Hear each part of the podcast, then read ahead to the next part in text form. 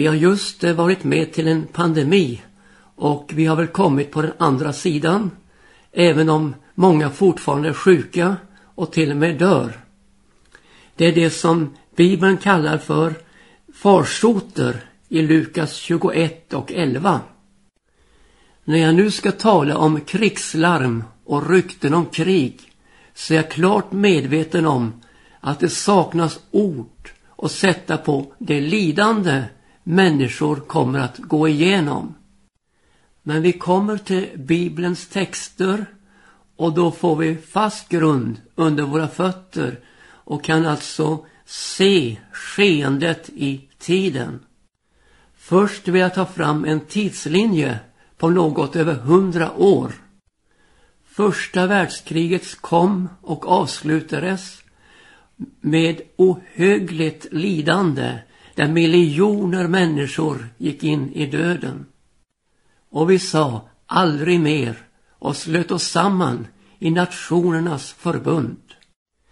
Men ett par årtionden därefter började krigslarmen och ljuda. Diplomatin gjorde sina tappra försök. Chamberlain, han kom och viftade med sitt papper efter besöket hos Hitler och säger fred i vår tid.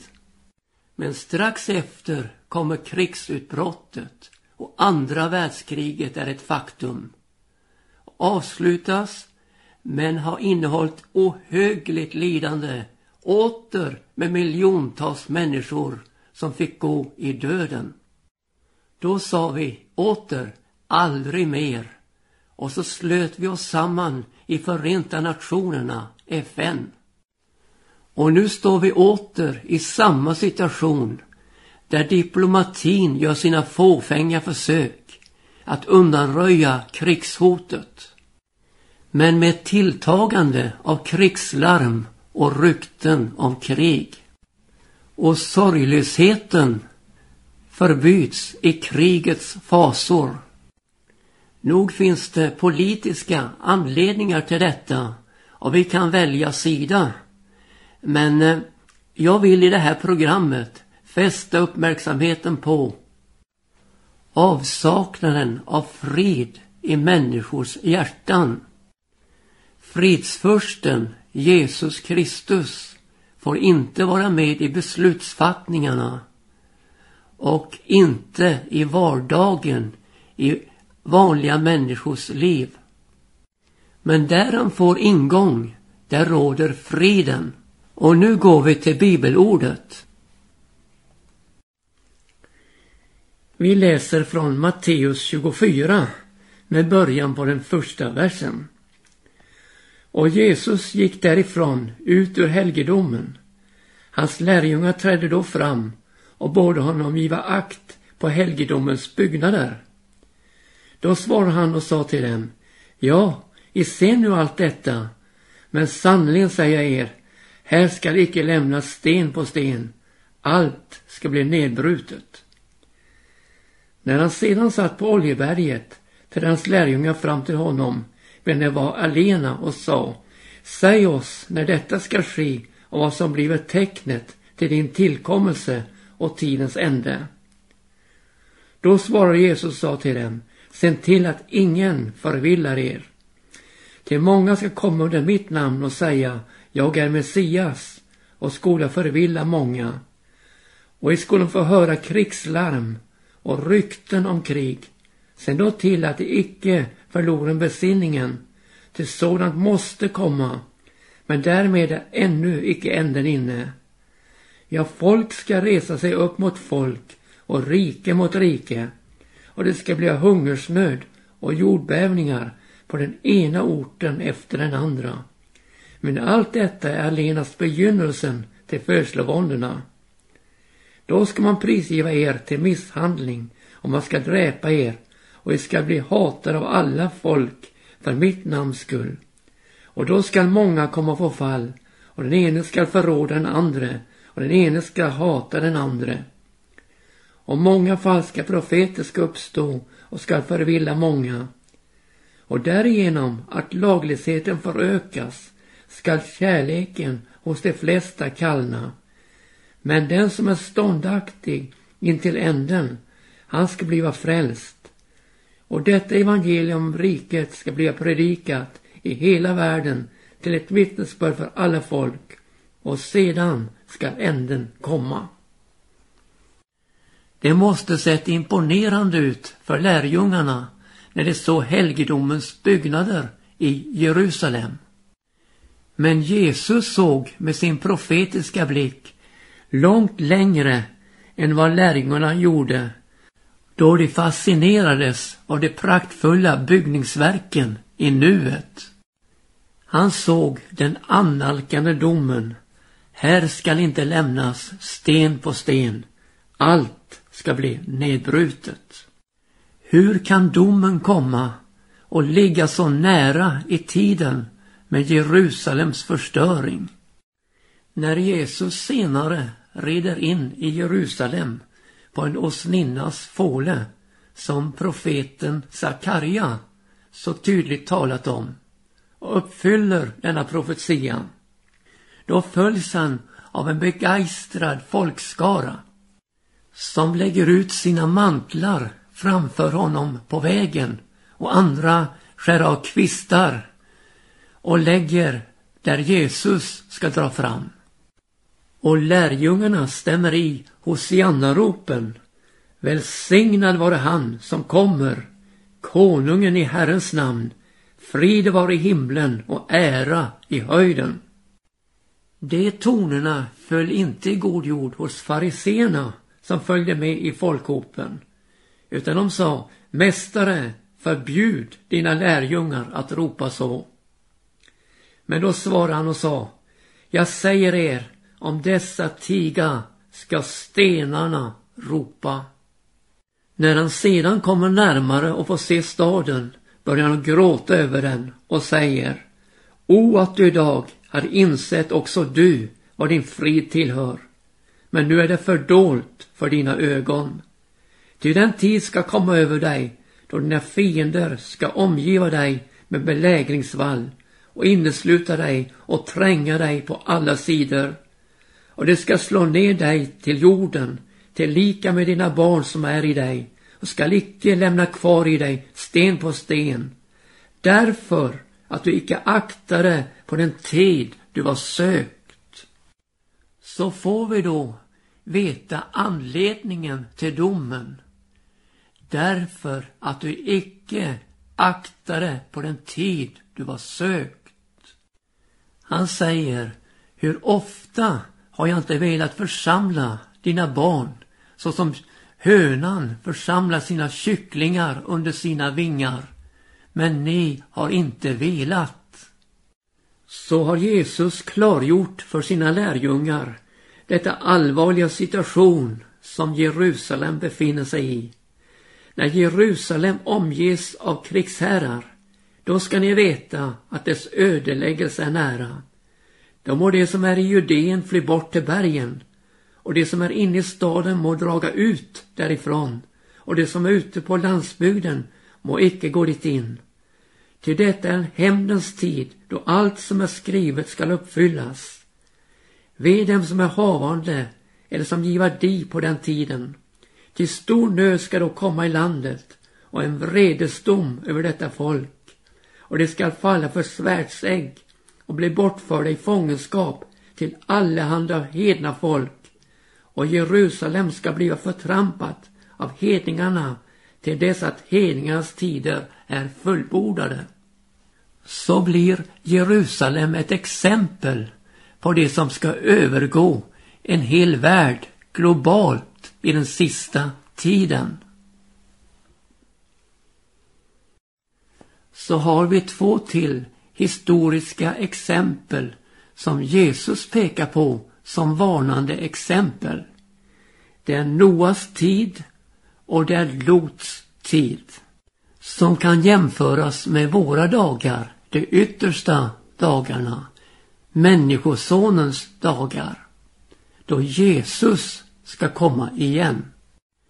På Noas tid blev jorden allt mer uppfylld av våld och det gick så långt att Gud ångrade att han hade gjort människorna. Men Noa fann nåd inför Herrens ögon i denna våldssituation som rådde. Och där på Lots tid med städerna på slätten, Sodom och Gomorra. Där rådde den sexuella förvillelsen och fick fruktansvärda konsekvenser. Men uppe bland bergen fanns en man som bad för staden. Det var Abraham. Som ville hindra ödeläggelsen och bad till Gud och tog fram 50, om det nu finns 50 rättfärdiga i staden. Vill du så skona den?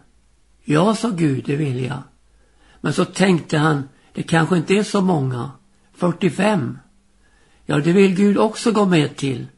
Och så går han ner i talen och kommer ner helt på tio. Om det finns tio rättfärdiga i Sodom, vill du så förstöra staden? När Gud lovar, då skall han skona den. Men det fanns icke tio rättfärdiga i Sodom. Men Gud tänkte på Abraham och räddade Lot. Det är gripande att läsa den här berättelsen där Abraham trädde närmare Gud och bad för staden. Ja, staden blev inte räddad. Den blev destruerad.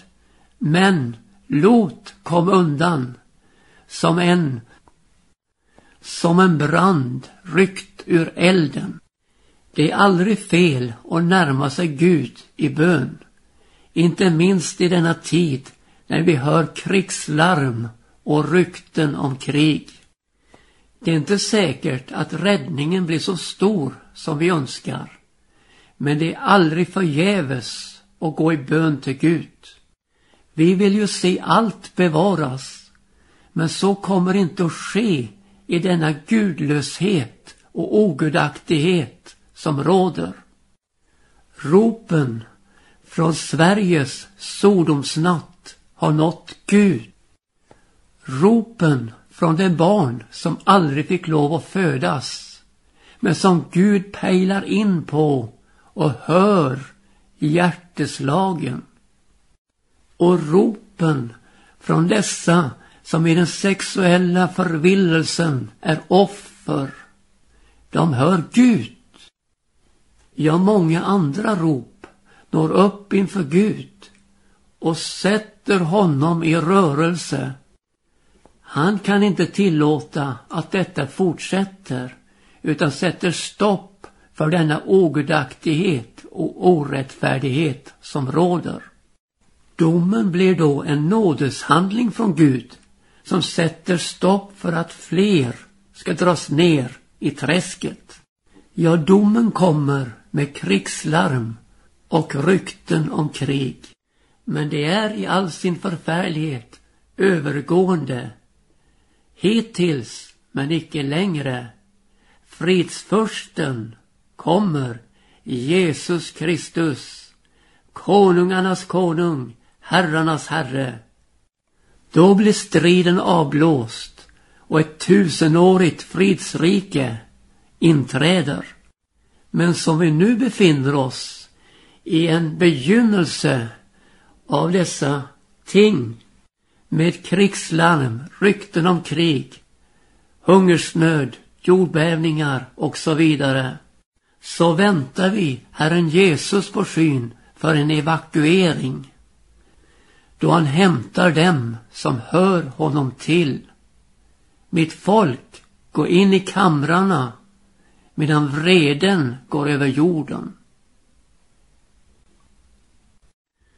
Gud har i sin nåd sänt väckelse på väckelse över våra länder och skaror har blivit fört till Herren och upplevt frälsningen i Jesus. Och det ser ut som där väckelsens eld har brunnit som mest har blivit de mest sekulariserade länderna i världen. Och då inte minst Sverige. Ja, inget kunde mäta sig med Jerusalem när Jesus vandrade där. Och det är väl få platser som kan mäta sig med Sverige när det gäller väckelse och dess utbredning över folk och land. Men så går tiden och väckelsens eld svalnar ut. Ja, kärleken hos de flesta kallnar. Och istället för väckelsens bärare så blir man dess administratörer. Man leder väckelsen in i system där man får en rangordning där eh, de flesta passiviseras och det är en elit som sköter hela programmet. Det blir som med älven som man utbygger och naturvärdena går förlorade. Så har man hamnat i detta fruktansvärda tillstånd. Man inser inte vad ens frid tillhör. När Jesus talar i Matteus 24 om krigslarm och rykten om krig så möter oss en profetisk tydlighet om det som sker i våra dagar. Krigslarm, rykten om krig. Ja, freden har trånga kår. Och det har den för att det saknas fred i hjärtana på människor. För hur kan vi förvänta att en fullrustad krigsmaskineri ska hålla sig avvaktande när ogudaktigheten råder i folkhavet? Vi läste om en laglöshetens förökande som resulterar i ett kärlekens kallnande. Ja, en laglöshet inför Guds lag. För nog instiftar man lagar av alla möjliga slags för att inskränka trosfriheten, samvetsfriheten, ja, för att kunna förfölja på ett lagenligt, ja, ja, sätt dem som tror på Jesus och håller bibelordet för sant. Kraschade äktenskap och aborttal av fruktansvärda antal. Det naturliga umgänget mellan man och kvinna utbytt mot ett onaturligt. Och så till råga på allt könsneutralitet. Detta sista skott på detta ogudaktighetens träd skjuter nu mot höjden för att ersätta Gud med förförande experiment. Och mitt i denna röra drar man fram kristna familjer som vill uppfostra sina barn i Herrens tukt och förmaning och säger det är så förfärligt med talet om Jesu tillkommelse. Barnen blir så förskräckta. Nej, min vän, nu ska jag tala om för dig vad barnen blir förskräckta av. Det är det okulta inslaget på alla områden där en ond andevärld tränger sig på i barnens hjärtan och där barnen i sitt själsliv närmast dras sönder av föräldrar som inte kan hålla samman. Och där man redan på förskolenivå tvingas välja om man är pojke eller flicka. Där det biologiska faktumet inte har något att säga. Utan du ska välja själv. Vad vill du vara? Och om du inte väljer så finns det säkert någon i närheten som väljer åt dig. Mycket kan man välja i livet. Men kön kan man aldrig välja. Det som skaparen givit åt oss helt från början. När Jesus talar om den som förför en av dessa små som tror på mig så tar han till en av de värsta domar som Bibeln talar om på individuell nivå. Han säger det var bättre att en kvarnsten hängdes om hans hals och han sänktes i havets djup. Ja, han säger Förförelse måste komma, men ve den människa genom vilken förförelse kommer. I Johannes 14 talar Jesus om den frid han ger. Han säger Frid lämnar jag efter mig åt er. Min frid ger jag er. Icke ger jag er den frid som världen giver.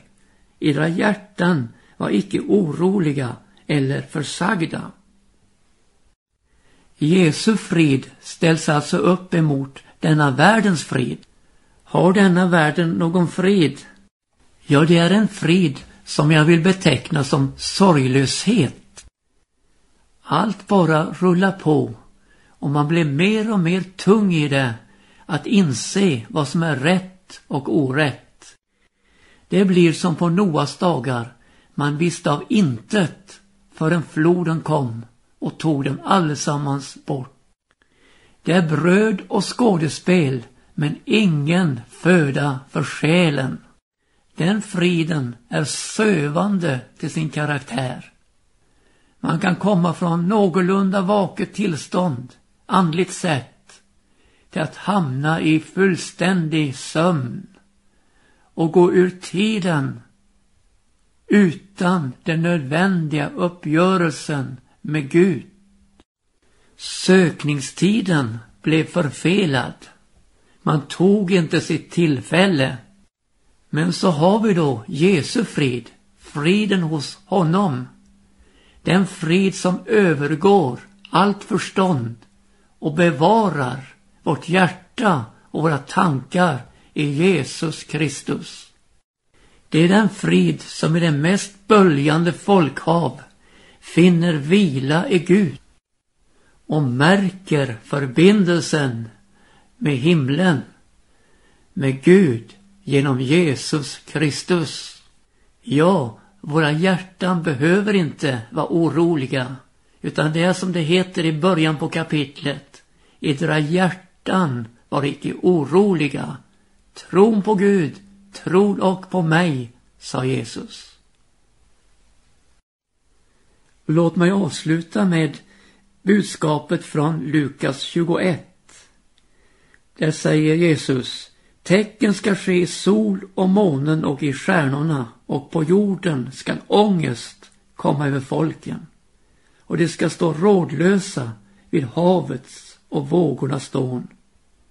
Då nu människor uppgiva andan av förskräckelse och ängslan för det som ska övergå världen, till himmelens makter ska bäva. Ja, då skall man få se Människosonen komma i en sky med stor makt och härlighet. Men när detta begynner ske, då må ni resa er upp, upplyfta era huvuden, till då nalkas eder förlossning. Ja, begynnelsen av födslovåndorna som vi läste om i Matteus 24. Detta är allenast begynnelsen av födslovåndorna med inslag då av krigslarm och rykten om krig, hungersnöd, jordbävningar. Som möter oss här då i Lukas 21 hur vi ska förhålla oss i denna enorma situation som vi befinner oss i. Av ångest, rådlöshet, vågornas dån. Där människor uppgiver andan av förskräckelse över det som ska övergå världen och hur himmelens makter bävar. Ja, du förstår allvaret i dessa ord. En mänsklighet på väg emot undergång. Då ska vi resa oss upp och upplyfta våra huvuden. Till förlossningen nalkas. Ja, frälsningen är oss nu närmare än då vi kom till tro. Ja, vi väntar Jesus på skyn. Han ska komma för att hämta dem som hör honom till. Men låt oss inte glömma att i vår omgivning finns det människor i denna prekära situation av ångest och nöd som behöver en hjälpande hand, som behöver ett levande ord som behöver en beröring av Jesus. Låt oss, dig och mig, vara redskap för honom i denna sista tid. innan han kommer igen.